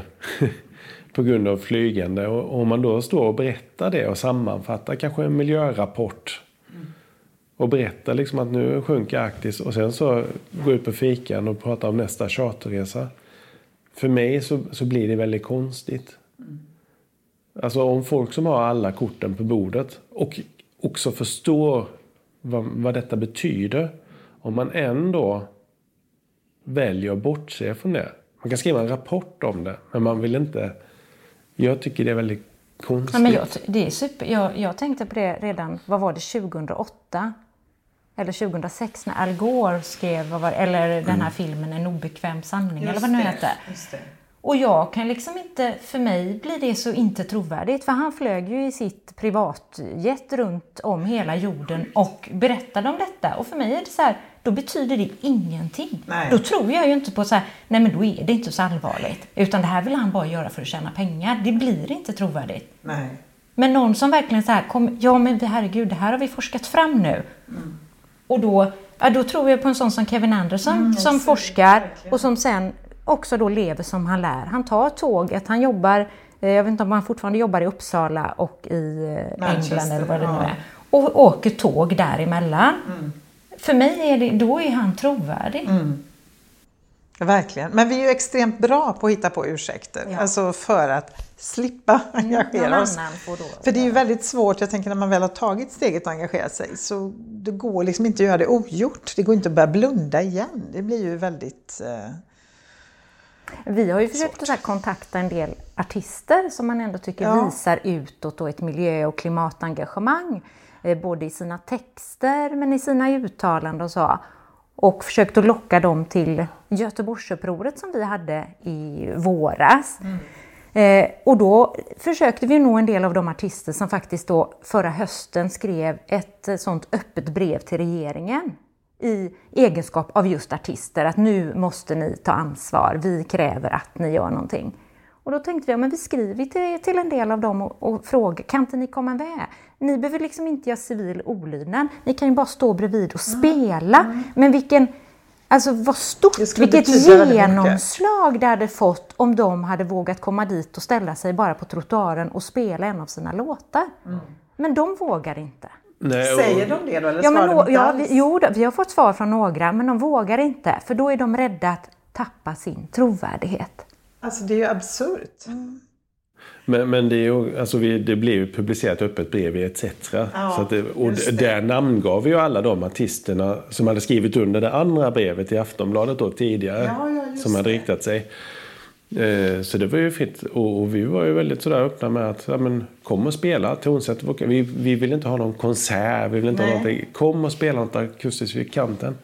För det spelar roll vem man är. Man ja. har olika plattformar att nå Verkligen. ut. Och det är inte minst så såg vi igår kväll, tror det var på nyheterna, att Greta eh, blev ju nu gripen och kommer att åtalas för ohörsamhet för ordningsmakt. För att, mm.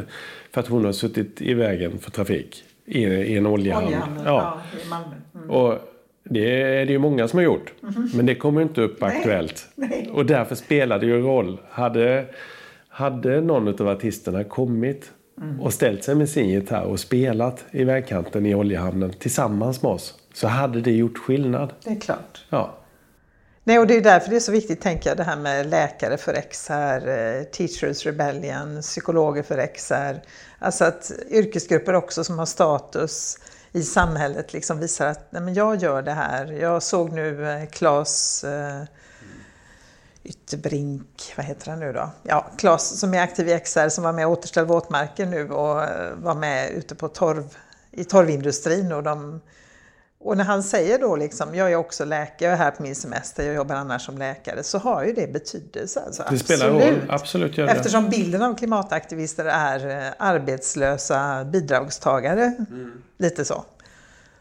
Och det är inget fel, men det är klart det finns människor som är arbetslösa som engagerar sig. Det är inget, liksom, inget brott att vara arbetslös. Nej, men, men det är så viktigt att visa att det finns alla ja, människor. Ja. Med olika yrken eller inga yrken och det är unga och det är gamla. Det är alla som har förstått att det här är på allvar. Ja. Det är våran framtid som står på spel och vi känner ett ansvar för att göra någonting. Mm. Vad, vad är det som driver er att hålla på? Jag menar, ni är liksom inte bara, ni har inte bara ställt om eh, privat, ni har engagerat er i XR, ni är också politiskt aktiva. Vad är det som driver er att hålla på med detta? Jag tror det är svårt att stänga av. När man väl börjat känna av detta så är det svårt att sluta. För, för någonting måste ju hända. Och, och jag vet om detta. Jag har öppnat boken. Det är lite så här, känner de här vuxna till det? Ja, det gör vi. Och då måste vi göra någonting. Och då får vi använda vår plattform till det. Um, ja, men jag har ju tur att jag är född i Sverige. Jag har ju redan vunnit lotteriet. Så varför kan inte jag göra någonting för någon annan då? Och det handlar kanske... Det är ju så nära som det kan vara till mina förhoppningar. Att, att jag får barnbarn någon gång. Hur ska de ha det i framtiden? Det är ju inte alls eh, säkert. Återigen för nyheterna igår, Italien som har 47 grader varmt. Det är på väg hit. Eh, vi ligger ju några att det kanske inte blir 47 grader här, men det kommer att ske förändringar som gör att vi får en annan artsammansättning i Sverige. Vi kommer få något annat. Sverige blir inte Sverige längre. Vi kommer att ha perioder med jättemycket värme och torka. Sen får vi perioder av skyfall. Vi ser det denna sommaren. Mm. Eh, det kommer att bli knepigare att leva. Det kommer bli svårare att leva. Och det... Ja. Jag vill kunna säga jag gjorde vad jag kunde. Jag försökte i alla fall. Det känner jag är, är väldigt... Ja, men jag vill kunna se mig själv i, i spegeln och säga att jag, jag försökte. Jag förstod sent. Det måste jag erkänna.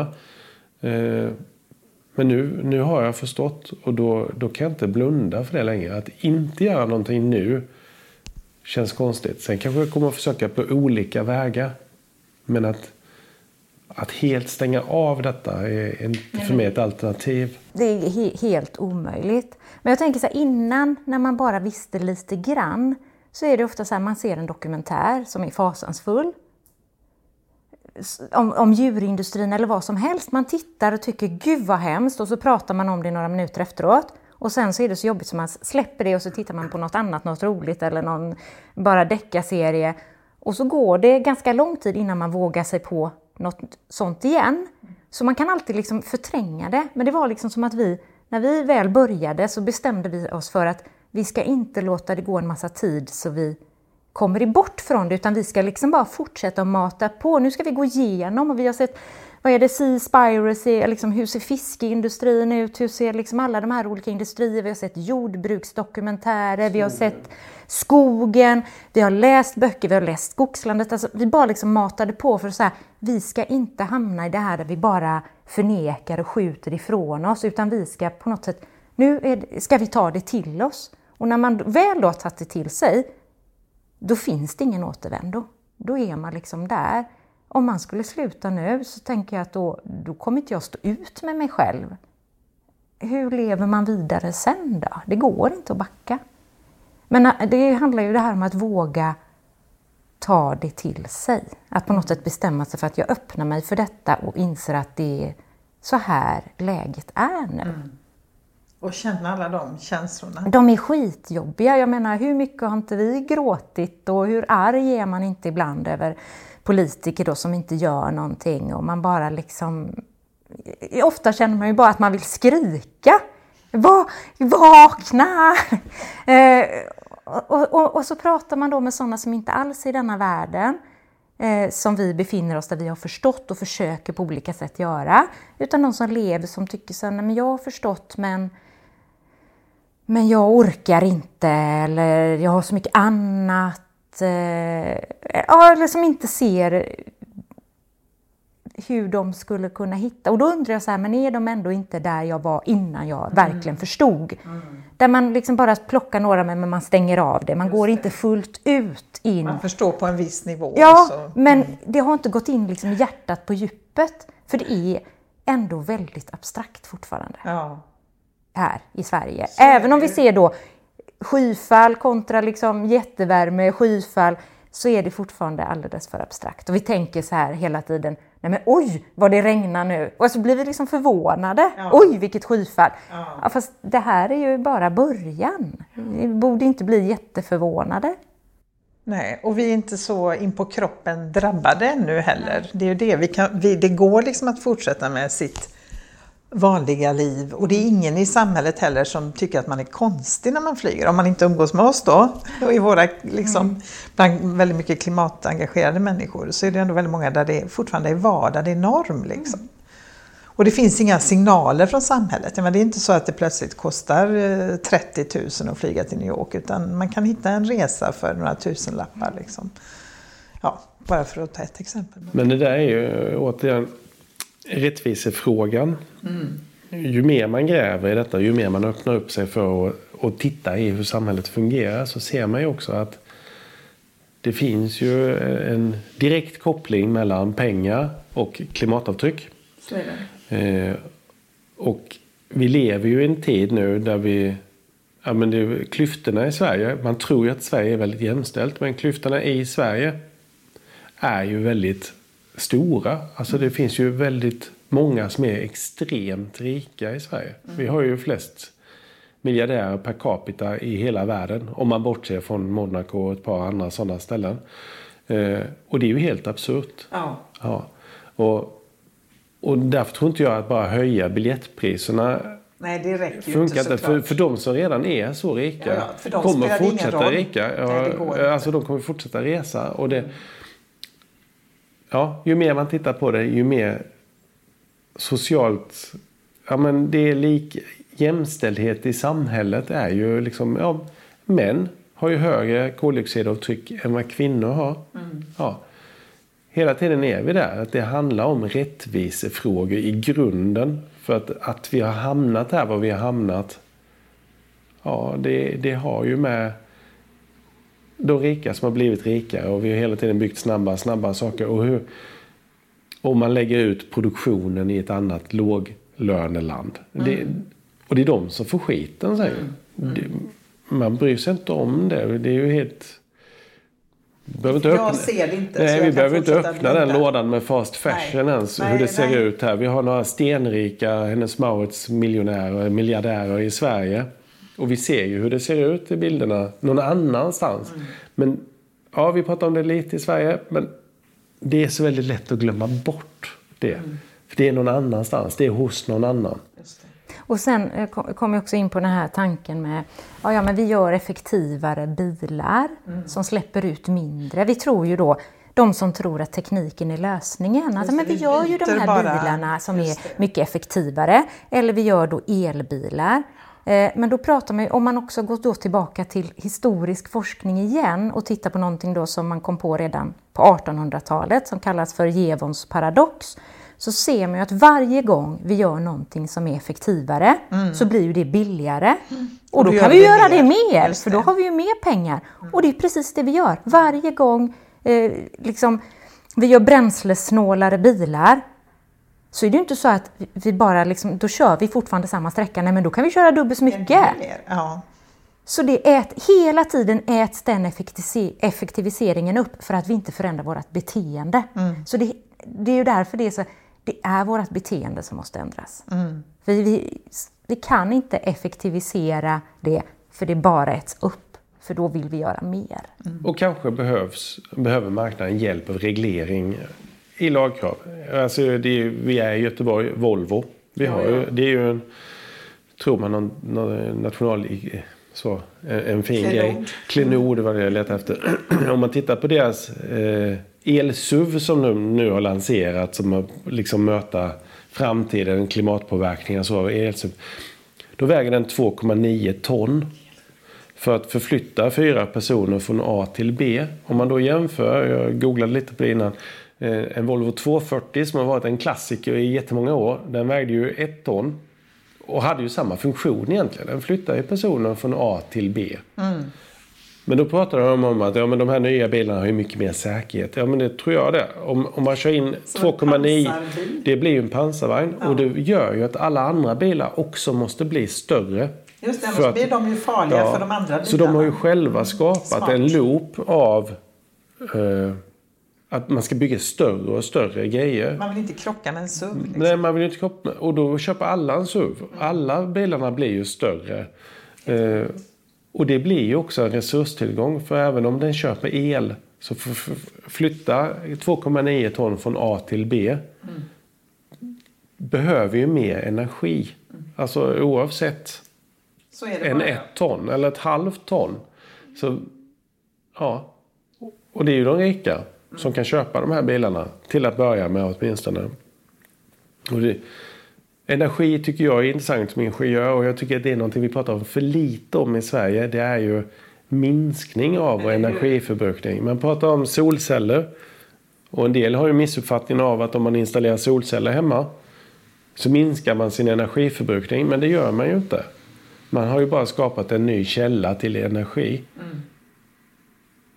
Det betyder inte att man har minskat sin förbrukning. Om man släcker lampor eller tilläggsisolerar sitt hus, då har man en minskad energiförbrukning. Mm. Men man har ju bara en annan producent. Man Just. köper kanske mindre energi. Och det tror jag också är... Eh, det blir verkligen så här Germans paradox fast i hushållet. Ja. För då tänker man så här, men jag har ju solceller nu. Nu är det gratis, solen skiner. Nu kan vi... Då kan man köra en extra runda med elbilen eller man kan göra liksom det. Men man förbrukar ju fortfarande energi från från jordklotet, från våra resurser, från vårt enda skafferi vi har. Mm. För solcellerna kostade ju någonting. Och, och innan vi installerade solceller hemma så, så la jag ner mycket tid på att försöka hitta en, en um, kalkyl på när, när klimatavtrycket var återbetalt. Alltså, är det bättre för oss att skaffa solceller än att teckna ett avtal och köpa grön el från en storproducent. Just det. Vilket är bäst. Mm. Och det går inte att hitta den kalkylen. Utan man hittar bara hur snabbt man kan Tjänar tjäna pengar. Investeringen. investeringen. Ja. Sen, sen valde vi ändå att tänka så här, okej okay, men vi tillför till den gröna omställningen. Alltså vi, ju mer grönt desto bättre. Mm. Men, men det går inte att hitta den. När har mina solceller återbetalat sig klimatmässigt? Svårt. Mm, verkligen. Till sist skulle jag vilja fråga er eh, var hämtar ni er energi ifrån? Alltså det är väldigt lätt som klimataktivist att bli utmattad och det finns många som, som blir det därför att det har liksom ingen ände det vi håller på med. Det är inte så att det är klart om ett år eller två utan det är ett livsprojekt på något sätt. Hur, hur, hur gör ni er aktivism hållbar? om, den, om ni tycker att den är det? eh, det är jättesvårt. Eh, vi har ju ändå bara hållit på i två år. Mm. Så än så länge... Men ni har gått all in? Ja. Eh, och jag, alltså i perioder så är det klart att man är lite tröttare när man till exempel är inne i ett uppror, Göteborgsupproret. Det tar mycket tid innan och under och då är man väl lite trött. Men inte så länge. Det, det, vi återhämtar oss ganska snabbt. Eh, och så, alltså jag tänker så här, hade, vi, hade jag inte haft Fredrik så hade jag inte gjort detta. Jag tror inte det. Jag hade inte orkat göra det själv. Jag tror aldrig jag hade börjat. Utan det handlar väldigt mycket om att vi får ju energi av varandra. Eh, och sen får vi energi ute i skogen eller när vi springer. Nu har vi inte sprungit för att Olika skäl. Ja. Kass i näsan och jag kass i fötterna. Så, men annars så har det varit av att springa och vara i skogen och eh, mm. alltså umgås med andra. Ja, för mig ger det jättemycket energi att umgås med klimatengagerade människor. Mm. Att umgås med människor som inte gör någonting, det äter min energi. Mm. Eh, så jag får ju energi av att hålla på, skulle jag säga. Ja, och sen tycker jag också att jag får energi eller energi från engagemanget. Alltså någonstans, det låter kanske floskligt, men jag tycker att jag har blivit en bättre människa sen jag har börjat med klimataktivism. Och det handlar inte bara om klimatet utan det handlar också om min människosyn. Jag kommer ju från den här mer moderata ingenjörsvärlden där alla ser likadana ut och alla har likadana saker och allting. Och så kommer man in här och här finns en mångfald av människor på ett annat sätt som inte jag är van vid. Som, ja, det är en helt egen podd kanske. Men jag tycker att jag har blivit mer tolerant och kan ta till mig människor på ett helt annat sätt. För att jag tror eh, i grund och botten att vi har en empatikris. Och empatin måste vi jobba med. Mm. Och när man väl släpper upp dörrarna för det, ja men då mår jag ändå bättre. Jag tror det. Jag, ja, det får jag energi av i den... Att träffa människor och lära känna nya människor som jag aldrig hade träffat annars. Stort tack för att ni var gäster i Klimatpodden och stort tack för allt ni gör. Tack så mycket. Tack själv.